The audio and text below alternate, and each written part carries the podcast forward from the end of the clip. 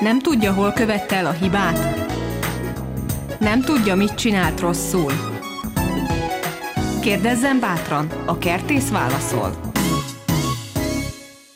Így is van a kertész válaszol. Jó napot kívánok! A vonal túlsó végén maga a szakértő, aki segítségünkre lesz most a szorgos áprilisi teendőkben, ő dr. Pálfi Dénes, okleveles kertészmérnök, és remélem, hogy tud nekünk tanácsot adni abban, Hogyha ilyen az időjárás, ennyire változékony, hogy egyik nap gyakorlatilag nyár van, aztán 48 órán belül meg már jön a téli fagyos időjárás havazással, akkor mi a teendő? Mikor teszünk jót? Ugye áprilisban a téli takarást is már elvileg el kell távolítani, mert amikor hajtanak a növények, akkor az károkat is okozhat. Jól tette az, aki a takarásokat eltüntette, és vajon okoz-e károkat ez a fagy, ami az elmúlt hajnalokat jellemezte, vagy akár a mai havazás is?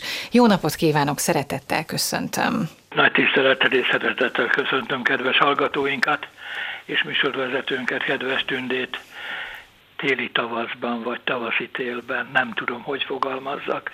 Igen, nem tudtam hirtelen reggel, mikor kinéztem, hogy karácsonyi hangulat van-e, vagy húsvét utáni.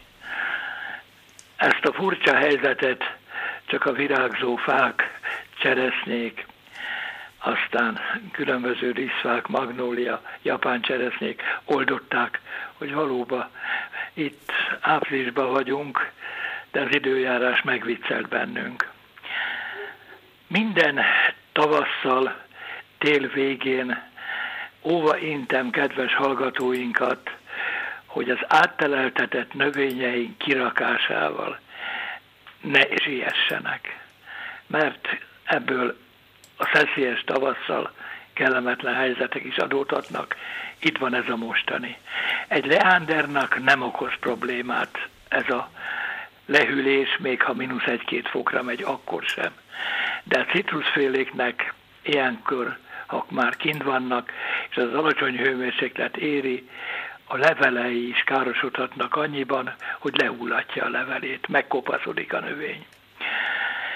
Visszahordani ezeket a növényeket ugye nem célszerű, legfeljebb a kényesebbjét, tehát mi legyen ez tanulság a jövőre nézve, hogy ne siessük el a tézes növényeink kirakását. Hát ami a kerti munkákat illeti, a alacsony hőmérséklet és szeszélyes időjárás mellett sajnos más problémánk is van, a csapadék hiánya. Száraz a talaj felső 5-10 centis rétege, ez annyiban káros és veszélyes, hogy például aki már elvetette a gyökérzöldségfélék magjait, sárgaripa, petrezselyem, stb. mind nedvességet igénylő, folyamatos nedvességet igénylő magok a csirázáshoz. Nem kapnak elegendő vizet, mert a felső részben nincs, talajrészben elfekszik a mag, ezért itt azt tudom tanácsolni, hogy ahol csak lehetséges, a vízpótlást öntözéssel feltétlen pótolni kell. A másik dolog, hogy itt a szabadföldi növényeknél is legyen figyelmeztetés ez az időjárás, hogy a melegigényes zöldségféléket ne siessük el. Babot ne vessük el, mert melegigényes, annyi nedvességet össze tud a talajba gyűjteni, hogy megduzzad a mag, utána elpuhul, tönkre megy, mert csirázáshoz nem lesz megfelelő hőmérséklet. Hidegtörő növényeket, hagymaféléket minden további nélkül kirakhattuk, ha eddig még nem raktuk ki, akkor kirakhatjuk. A vetését is végezhetjük ezeknek a növényeknek. Káposztafélék palántolása is lehetséges, kivéve a karalábét és a karfiolt, mert ugye a káposztafélék közül a karfiol a legmelegigényesebb. A karalábénál meg olyan probléma van, hogyha a palántát hideg éri, akkor nem fejlesz gumót, hanem csak szárat, és így ugye elveszíti a termelési értékét a növény.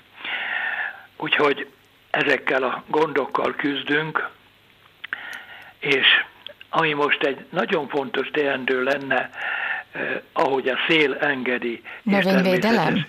A növényvédelem. Eh, ha valamikor járványszerű fertőzése volt tafrinának, az őszi barack levélfodrosodásának, akkor az idén az van. Mivel ez egy dérgomba, és ez a gomba akkor érzi jól magát, akkor fertőzés szaporodik, hogyha hullámzó a hőmérséklet. Éjjel fagy, nappal melegszik. Éjjel megint alacsony hőmérséklet, nappal magasabb hőmérséklet. Egyetlen kritikus pont van most csak eh, a gomba eh, nagybani fertőzésének, ahhoz, hogy valóban járványszerűen terjedjen, ehhez csapadék is kellene, ami pillanatnyilag nincs. De az az érdekes, hogy ezek a kórokozók már annyira edzettek, hogy valahogy csapadék nélkül is fel tudnak jutni a fára, mivel a kórokozó szaporító képlete nem a fán telel, hanem a talajba. Ezért, aki elvégezte őszi barackfáknál a rezes lemosó permetezést, ez lelkét megnyugtathatta, de amiatt a fertőzés bekövetkezhet. Mert tafrina ellen akkor hatásos a védekezés, amikor a rügyből az első pár milliméter levél kifejlődik. Most pedig, ha nézzük az őszi fáinkat, a csodálatos virágzás mellett a levélrügyekből vagy hajtásrügyekből két-három levélke már kint van. Nem többek ezek két-három centinél maximum, de ez már, ezen már látszik egyes leveleken a fertőzés tünete, ezért itt nagyon sürgős a beavatkozás. Bő készlet áll a növényvédőszervről rendelkezésre. A Delán mellett a Folikur szóló, a Merpán, a Plutó, a Skóre, ezek mind hatásosak, de sajnos, ha továbbra is ilyen lesz az időjárás, és nem lesz egy gyors felmelegedés, meteorológia szerint nem, akkor nem elég egyetlen védekezés, hanem ezt a védekezést 10-14 nap múlva meg kell ismételni. Ez növényvédelmi szempontból a legsürgősebb teendőnk, Szokták kérdezni, hogy a lemosó permetezés gyümölcsfáknál, szőlőnél mikor a legaktuálisabb vagy legideálisabb.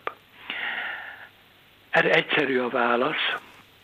Akkor, amikor a rügyek nem csak pattannak, hanem már fakadnak is, magyarul molyhos állapotban van a rügy, ugye kis levelek ott vannak, várják a kibontakozás lehetőségét, Ilyenkor célszerű a lemosó permetezést elvégezni, mert ilyenkor már be tud hatolni a feslő prügyekbe a növényvédőszer, de zárt rügyben, tehát korai védekezés, vagy éppen pattanó rügyben nem tud behatolni a szer. Márpedig atka ellen, például szőlőlevél atka ellen, akkor tudunk igazán hatásosan védekezni, amikor ez a fenológiai állapot bekövetkezik, tehát a e, fakadás ideje, mivel egész télen át koplal a ratka, alig várja a táplálkozás lehetőségét, kéreg alatt át a szőlőtőkéken, és ahogy az idő engedi meleg hatására, keresi a rügyekbe való bejutás lehetőségét, mert kéreg alatt nem tudjuk elpusztítani lemosópermetezéssel, viszont ha már a rügybe van, és akkor végezzük a lemosópermetezést, ekkor hatásos ellene a szer. Lemosópermetezésre szőlőnél, gyümölcsfáknál ugye az olaj és a különböző kontaktkészítmények kombinációjával tudunk hatásosan védekezni, például olajréz, olajkén, vagy mindkettő például ahol ott a réz is, ott a kén is, meg még ott van a ö, olaj is, e, ezekkel tudunk igazán hatásosan védekezni, de valóban lemosásszerűen, hogy megfelelő filmréteget képezzen a védendő növényen. Idősebb fáknál, akár alma, akár körte, Zilvánál is meg lehet reszkírozni a olajos permetezést. Ámlókérgű törzsű vákon hatástalan vagy minimális hatású a szer, mivel nem tud összefüggő filmréteget képezni. Előtte ott mechanikailag, ha megtisztítjuk a törzset, utána védekezünk, ekkor már sokkal hatásosabb lesz a védekezés, mint ha enélkül védekeznénk. Elmúlt adásból részben adós maradtam valamivel, pontosabban kevés idő jutott az utolsó percben egy hallgatón kérésére, kérdésére, a paprika sikertelen termesztéséről panaszkodott. Sokfajtát termeszt, de virágzik a növény, aztán elhullatja, nem köt, vagy ha köt is, aprók maradnak a bogyók, tehát értéktelen lesz a termés. A paprika zöldségféléink közül a legigényesebb növény. Magas a hőigénye, fényigénye, tápanyag és vízigénye. Ezt kell kiszolgál, ezzel kell kiszolgálnunk a növényt, hogy ezek a feltételek a növény számára biztosítottak legyenek. Zöldségtermesztő professzorom öt ujján mutatta be rendszeresen a paprika ideális fejlettségi állapotát. Mutatta a kisujját, sovány alkat, nem alkalmas paprika termesztésre, a paprika sovány. Hüvelykujját mutatja, kövér alkat, ebben az esetben se alkalmas a paprika termesztésre, mert ilyenkor hajlamos a virág elrugására, termékévlés hiányára. Tehát mutatja végül a középső ujját, ez a közepes alkat, ez a növénynél az ideális alkat, növekedés, fejlettség, amitől a, amiből a tőtől a legnagyobb termést és a legjobb minőséget várhatjuk. Hogy érhető mindez el? Hát először is tápanyaggal legyünk óvatosak, ne csak nitrogént adjunk a paprika alá. A foszfor a termékenyüléshez elengedhetetlen, és a, véde, a növény belső védekezési mechanizmusa miatt. A kálium a szénhidrát cukortermelés miatt, ennek a háromnak az összhangja, nitrogén, foszfor, káli, az, ami a növény ideális fejlettségét eredményezi, és megfelelő minőségű terméssel állálja ilyenkor meg a paprika a gondozást. Az öntözéssel sok mindent el tudunk rontani, mert ugye vízigényes a növény, de a vízigény mindig párhuzamos a hővel. Ha alacsony a hő, hűvös idő, minimális víz, ha magasabb a hőmérséklet, akkor viszont több víz nem csak talajba, hanem még párásításban, párateltségben is. A párateltség azonban kétélű dolog. Sokan kis légterű fóliával is dolgoznak, amiben természetes lehet eredményesen is dolgozni, de ha duncba van ott a növény, mert nem szellőztetik kellő időben, magas a párateltség, akkor a növény viszont fölmegy ott a hőmérséklet 40-45 fokra. Ilyen esetben a növény elrúgja a virágot, nem köt, és eredménytelen lesz ilyenkor sikertelen a termesztés. Természetes, a fajta se közömbös, hogy milyen fajtával dolgozunk, mert sokan ragaszkodnak anyáink, nagyanyáink régi fajtáihoz, mert azok igénytelenek voltak, mindig teremtek. Hát ezeket az idő túlhaladta.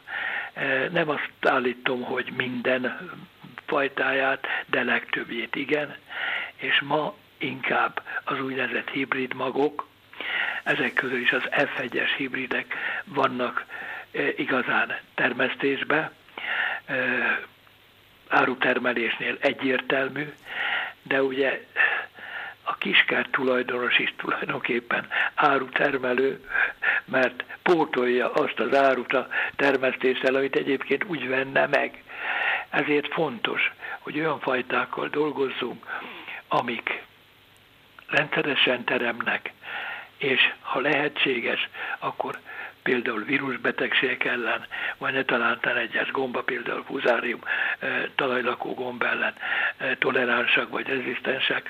A fajták, ezek mind előnyösek az F1-es hibrideknél, azonban itt ne próbálkozzunk utántermesztéssel, bármilyen szép termést is teszünk félre, úgynevezett mag paprikának, szedhetünk abból csodálatos csirázóképes magot, de ne várjuk azt, hogy ugyanolyan termést hoznak ezek a növények, mint az anyanövény, mert ezeknek a magját minden éven úgy állítják elő anya-apa növény beporzásával, tehát F1-es hibridet, ezért drágábbak ezek a magok, mint a standard vagy konstans fajtáknak a magjai.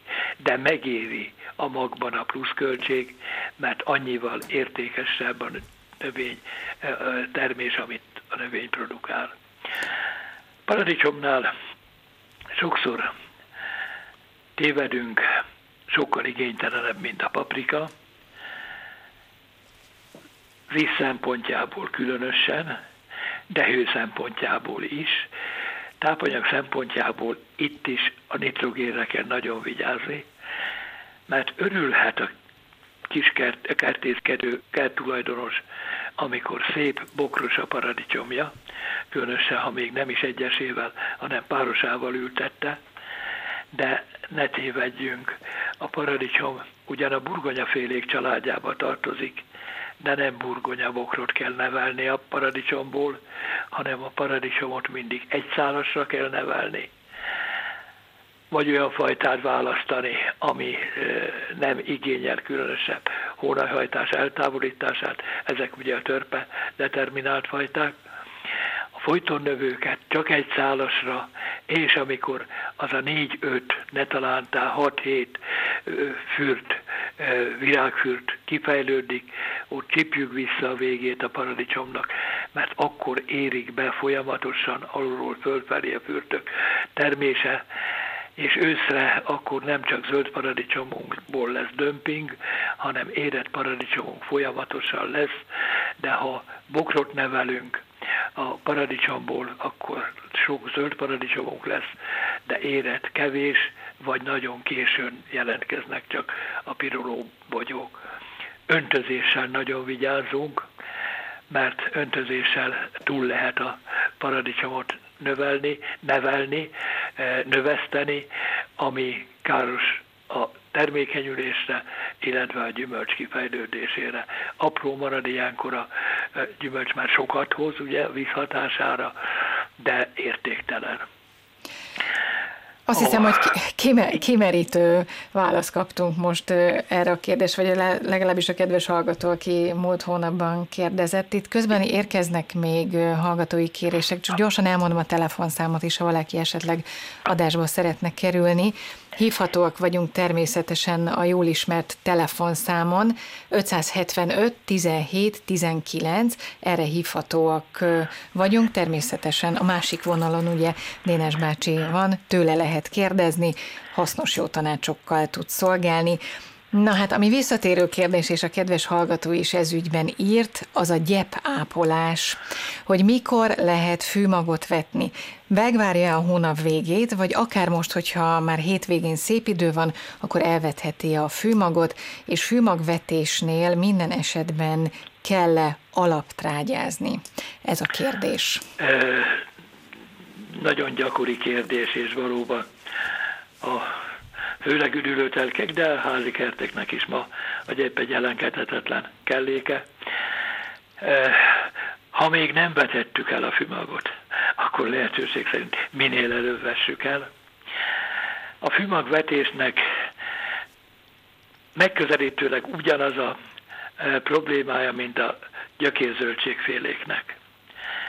Ugye sekélyen e, lehet csak takarni, ugye úgy gerebjézzük bele a talaj felső részébe, előre megtömörített talaj felső részébe, és általában vetés után beszoktuk öntözni, ha a talaj nedvesség nem kellő állapotú. Ebből adódhatnak a hibák. Mert ha egyszer beöntöztük a magot, ami megduzzad, ne talántán csirázásnak indul, és közben nem pótoljuk a vizet három, négy vagy öt nap múlva időjárástól függően, akkor bizony a növény elkezdett csirázni, de el is pusztul, mert vízhiányba elszárad. Ez a vetésnek a legkritikusabb pontja, ami a tápanyagot illeti. Minimális a tápanyag. Ha most én műtrágyába számolom, akkor négyzetméterenként maximum fél deka nitrogén, fél deka foszfor és fél deka kálium. Ez a talajba dolgozva a fűnek hosszabb távon, tehát egy-két évig megfelelő tápanyagellátást biztosít. Nem szép a fű akkor, ha túlhízlalt, mert széles levele kényes a kiszáradásra, megdől, nehéz karbatartani, tehát egy rossz kifejezéssel, de mégis kimondom, inkább koplaltassuk tápanyag szempontjából a gyepet, mint hogy túltápláljuk. Természetesen a koplalás nem a végsőkig, de mint a paprikánál, itt is a közepes alkat tápanyagellátottsága legjobb, mert akkor a legszebb a pázsit. Sokan panaszkodnak a mohára, különösen árnyékos részeken, hogy mit tehetnek ilyenkor. A moha nagyon víz és pára igényes. Ott fejlődik igazán csak, ahol ez számára biztosított. Ne csináljunk ebből külön ügyet, szépen gerebézzük ki a fű közül, és ahogy a fű elkezd fejlődni, borítja a felületet, a moha úgy tűnik el, mert a fű alatt aztán tovább nem jut megfelelő fényhez, illetve életérhez, ezáltal vegyszer nélkül meg tudtuk oldani a moha problémát.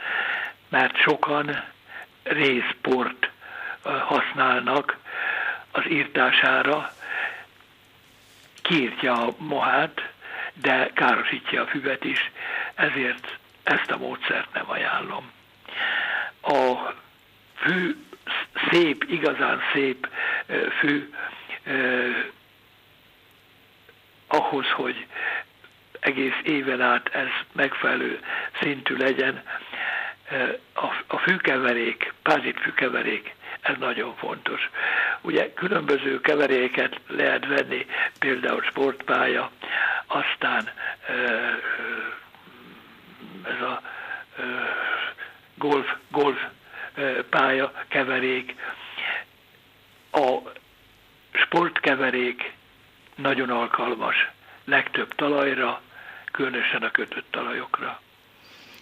A gyep levegőztetést, azt mikor érdemes megejteni? Na most Az első a... nyírás után, vagy már rögtön nyírás előtt? A gyep levegőztetése az csak kötött talajon érdekes, de ugye, hogyha kora tavasszal még a fű igazán indulása előtt megfelelő gerebézést, keresztbe hosszába történő gerebézést csinálunk, vagy csillagkerékkel, ugye végigjárjuk a füvet, ami kis lukakat készít a fű talajába, ezzel bőségesen ellátok a szellőztetést, itt különböző szellőztető megoldásokat alkalmazni a fűnél felesleges. Nekem az a tapasztalatom, hogy sokan egy kicsit túl értékelik a fűnek a gondozását, egyszerűen meg lehet azt oldani, ha ott a tápanyagellátottság és a vízellátottság biztosított, akkor a fűvel alapvető probléma nincs, legfeljebb annyi, hogy gyakrabban kell nyírni. Tehát ez vele jár a fűvel. Így van, heti rendszerességgel. Igen. Még egy kérdés jött, érdekes kérdés. Azt kérdezi a kedves hallgató, hogy az őszi barackfát virágzás alatt megmetszheti-e? Izgalmas a kérdés. Egyesek azt tanítják, még szakirodalomban is olvasható, hogy virágzásba kell metszeni az őszi barackot, és a kajszit. Nem. Ebből az következik, hogy megmetszheti. De azért legyünk őszinték, virágzó növényt nyírbálni, metszeni, csonkítani. Hát ez egy kicsit nem csak növénytelen, de embertelen dolog is. Nyugalmi állapotba. A legcélszerűbb a meccés legtöbb gyümölcsfajnál, kivéve tehát képeznek a csontéjasok. A csontéjasokat zöld meccésbe is részesítjük. Értem ez alatt kajszi, őszi barackot, cseresznyét, megyet, termés-érés után. Ugyanis, ha ekkor végezzük el a meccést, akkor gyorsabb a sebb gyógyulás, mint amikor nyugalmi állapotban végezzük a meccést. De ugye a nagyüzemeink örülnek, ha egyszeri meccést tudnak alkalmazni, és az általában nyugalmi állapot, mert vegetációs időben más elfoglaltság van munka, mint hogy zöld meccést tudjanak végezni. De a pincérozást az erős növekedésű őszi barackoknál a hajtások visszametszését azt július elején, közepén célszerű elvégezni, mert akkor rakódik be a hajtás rendesen, egész tövéig, de ha ezt nem végezzük, és helyettünk nem végzi el a barack se, idézőjelben, ami ugye a hajtás végét károsítja, és ez annyit jelent, mint a visszacsipnénk a, a hajtást, ha ezt nem végezzük el, ezt a visszacsipést vagy visszavágást, akkor a végére kicsúszik a termőrügyek alakulása, és ugye ez a fánál a meccést jelentősen befolyásolja. Nem tudjuk úgy olyan szabályosan metszeni, szabályozni a termést, mintha tövétől kezdve a vesző szépen be van rakodva termésre, termőrügyel. Mondom a telefonszámot, ha kérdés lenne, akkor bátran telefonáljanak 575 17 19, erre tudnak most telefonálni, és még egy bő 10 perc van arra, hogy kérdezzenek a mai szakértőtől. Ugye havi rendszerességgel jelentkezik a kertész válaszol, és itt van a szakember, és segít önöknek abban, hogy idén még szebb, és még jobb termést hozó kiskertjük legyen, vagy éppen gyönyörű szép virágos kertjük. Itt jött egy kérdés, hogy áprilisban jelennek meg, és nála rendszeres káposztaféléket támadó földi bolhák. Mit tehet ellene? Szerencsénk van idézőjelben, mert a földi bolha ezt a hőmérsékletet nem szereti. Tehát a meleget szereti a földi bolha, és a szárazságot. A káposztát, retekféléket, nagyon meg tudja cincálni. A kelő növényt, például retek esetében a sziklevelet úgy tudja ki luggalni, hogy gyakorlatilag elpusztul bele a növény. Hát ilyenkor valami rovarölőszerrel, bármi, ami kéznél van, egyszerű ellene a védekezés, de bevallom férfiasan, utóbbi időben én nem is tudom, hogy mikor védekeztem földi bolha ellen, mert annyira nem volt jellemző a tavaszi időjárásra ez a probléma. Viszont van itt még egy kérdés, ha nem jön több.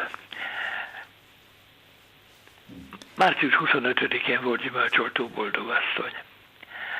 Ugye ez általában a szabadföldi oltásoknak, gyümölcs oltásoknak főleg kiskertekbe az időpontja, kedvező időpontja. Hát az idén nem volt kedvező ez az időpont, mert ugye többször szóltam én már tél folyamán is arról, hogy az oltás akkor sikeres, akkor a legeredményesebb, az oltócsapot nyugalmi állapotba szedjük meg, abszolút nyugalmi állapotba, megfelelő hőmérsékleten tárolva, viszont az alany induljon meg, ott a netkeringés legyen rendesen a növény előkészülve idézőjelbe az oltás fogadására. Ha valaki elmulasztotta eddig az oltást, minden további nélkül sikeresebb lesz most az oltása, ez a hideg idő elmúlik, mint a korábbi idő, mert ugye ahhoz, hogy az oltás össze tudjon porni, oda legalább 20-25 fok hőmérséklet szükséges, de 15 fok alatt semmi esetre se indul be ez a művelet, már pedig ugye az oltócsap az nem sokáig bírja az egyedül létet, ha nem tud kapcsolatot teremteni az alanyjal, akkor sikertelen lesz az oltás.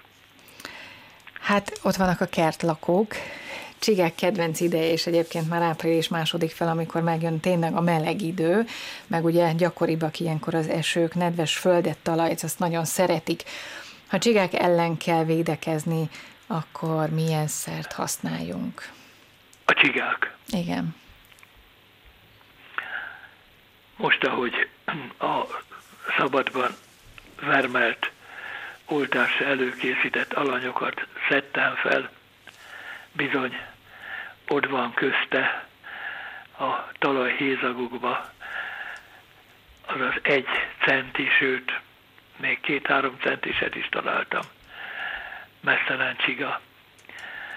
És ez a spanyol változat, nem a nálunk őshonos szürke, úgynevezett kágyiló. Roppant nehéz ellene a védekezés. Tömeges az elszaporodása, természetes ellensége nincs, tehát azok a módszerek, amelyekkel a hagyományos mesztelencsiga ellen tudtunk védekezni, hogy só, csikot húztunk a növény köré, oltatlan meszet, por, vészhidrátot, borcsikot húztunk, amin ugye át gázolta idézőjelbe a csiga, és ilyenkor elveszítette a nedvességét, és elpusztult. Műtrágyából ugyanúgy lehet, ugye akár kombináltból, akár csak nitrogénből ilyen csikot a növény köré húzni, de ennek a spanyol csigának van egy olyan különleges tulajdonsága, hogy nem tudom hány bőr tud ez magáról levetni, amikor átgázol egy ilyen ö, vízelvonó ö, vegyszercsikon, egyszer csak kibújik a, a bőréből, és megy tovább, tehát nem pusztul el. Ezért én a csige elleni védekezésnél a kereskedelembe kapható csigeölőszereket tudom javasolni. Többféle van, mindegyi hatásos, de mindegyinek van egy alapvető tulajdonsága. Ha nedvesség éri a kiuttatott granulátumot, mert általában ilyen formába kaphatók ezek a csalik, akkor elveszíti a hatóanyag tartalmát, mert gáz formájába elszáll a hatóanyag, és ilyenkor hatástalan.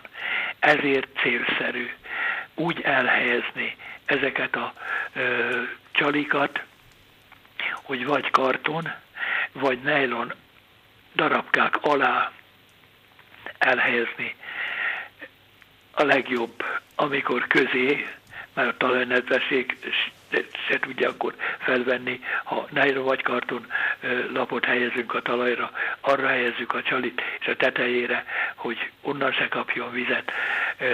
Szintén egy ilyen védő lemezt borítunk, akár papírból, akár nejlonból.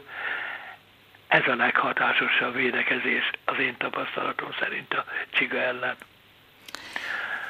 Mert a futókacsa ugye az állítólag nagyon hatékony, de hát nem tudom hány helyen lehet ezzel megoldani a csiga problémát. Gondolom, hogy szerint idén is sok bosszúságot fog okozni a kiskertekben. A... Tenyhetél, ugye, a tér se károsítja, meg hát azért, amióta itt van Magyarországon, azért már volt keményebb tél is, amikor 15-20 centire átfagyott a talaj, de akkor se okozott neki semmi problémát. Mert ugye egy, egy része tojás alakban telel át, és abból kell ki ugye, a, hogy a időjárás kedvez neki, a kis csiga, és szaporodik, növekszik, és iszonyatos károkat tud okozni. Ha már károkozás, a mai havazás az okozott egyébként kárt, vagy okozhat kárt, vagy még ez annyira nem volt azért jelentős? Inkább az éjszakai fagy lehet az, ami... Nagyon érdekes. Ugye a fagy és a jég, bocsánat, a hó és a jég az nem károsítja a növényt. Ellenkezőleg ugye azt takarja, az alatt, az alatt védelemben van a növény. Akár virág, akár a szántóföldi növény. A hideg az a probléma. Hát ugye itt a megyénk produkált most tegnap és a mai napon érdekes helyzetet. Rendszeresen figyelem a meteorológia országos hálózatát. Jubjana is ugye bent van ebbe a körbe, meglep, hogy legtöbbször nagyon alacsony hőmérséklet van ott, de Nagykanizsa produkálta a különleges adatokat. Tegnap mínusz négy fokkal a leghidegebb volt az orsz, egész országban, ma nulla fokkal volt a leghidegebb az egész országban. De ennek ellenkezője is előfordul, amikor a legmelegebb Pécsnél például melegebb hőmérséklet van Kanizsán, mint Pécsen különleges helyzet, hogy mi okozza, jó lenne tudni. És az a mínusz négy fok, ez káros lehet egyébként az éppen az virágzó igen. Az már hogyne, hogyne. Gyümölcsfákra, ugye? Hogyne. Hát kajszibar az, az, az ö, nem tudom, hogy hol lesz az idén is, mint ahogy tavaly sem volt, mert kajszibaracknál a sokfajta közül ami például itt üzemi méretekben, zaláva termesztésben van. Tavalyi évben két fajtán volt kielégítő termés, az egyik a Kyoto nevű japán fajta volt, a másik pedig a berzsevál, nem a berzseron, már az egy korai apró gyümölcsű fajta, ez a berzsevál, ez a két fajta produkálta a legnagyobb termést. Abba viszont nem vagyok napra kész, hogy van-e ilyen tulajdonsága, lehet-e ilyen tulajdonsága a növénynek, hogy ennyire tűri a hideget, vagy azáltal történt ez a nagyobb termésmennyiség, hogy későbben virágzott, mint a többi fajták, és ezáltal bekelte ki a hideget. Mert ugye virágzás időpontja az, az nagyon befolyásolja. Az elfagyást, nem védetten a mandula, mint legkorábban virágzó növényünk, gyümölcsünk, vagy a kajszis, mint legkorábban virágzó növény, vagy nekem egyetlen húsosom bokron van szép, megtermett, de termés egy-két bogyó, ha van rajt, mert azt mindig elkapja a hideg, a legkorábban virágzik, és ott mínusz egy-két fok már komoly problémát tud okozni. Hát mit kívánhatnánk a gazdáknak? Jó termést az idén is, és hát munkával teli áprilisi hónapot. Amúgy meg, épp néztem, ugye Vilmos napja van április 6-a, és azért ezt a régiek figyelték mindig, és azt mondták, hogy ha ezen a napon eső eset, abból bizony szűkesztendő várható. A régi babona így tartja. Hát reméljük, hogy nem mindig válik be ez a népi megfigyelés, legalábbis a időjárást illetően nem mindig válik be. Hát ez különösen ne váljon be, mert valóban a sok munka és költség mellett aztán ilyen szerény termés, hát ez lehangoló tud lenni. Én minden mellett, hogy jó termést kívánok minden kertészkedő hallgatónknak, egy vírusmenteset is, hogy minél előbb múljon el ez a veszedelem mellőlünk, mögülünk, mert a kertész ugye azért szabadba tud menekülni, jobban viseli ezt a zártságot, amit idé, előidéz ez a védekezés, illetve ellene való védekezési előírás, de hát ez már senkinek se jó. Dénes bácsi, jó egészséget kívánok Nagyon önnek, köszönöm. és köszönjük szépen ezúttal is köszönöm. a szakértő jó tanácsait. Köszönöm. Remélem, hogy hasznára vált a hallgatóknak, a kertészkedőknek, és ami, ami jó dolog van, hogy a következő hónap az már egy csodálatos hónap lesz, úgyhogy május elején találkozunk, remélem akkor már itt a stúdióban. Kedves, kedves, de, de akkor jönnek a fagyos szentek. Igen, tudom, de remélem, hogy, hogy attól függetlenül az az, az év legszebb hónapja. Jöttek, úgy gondolja, ugye? Remélem, igen. Bízunk benne.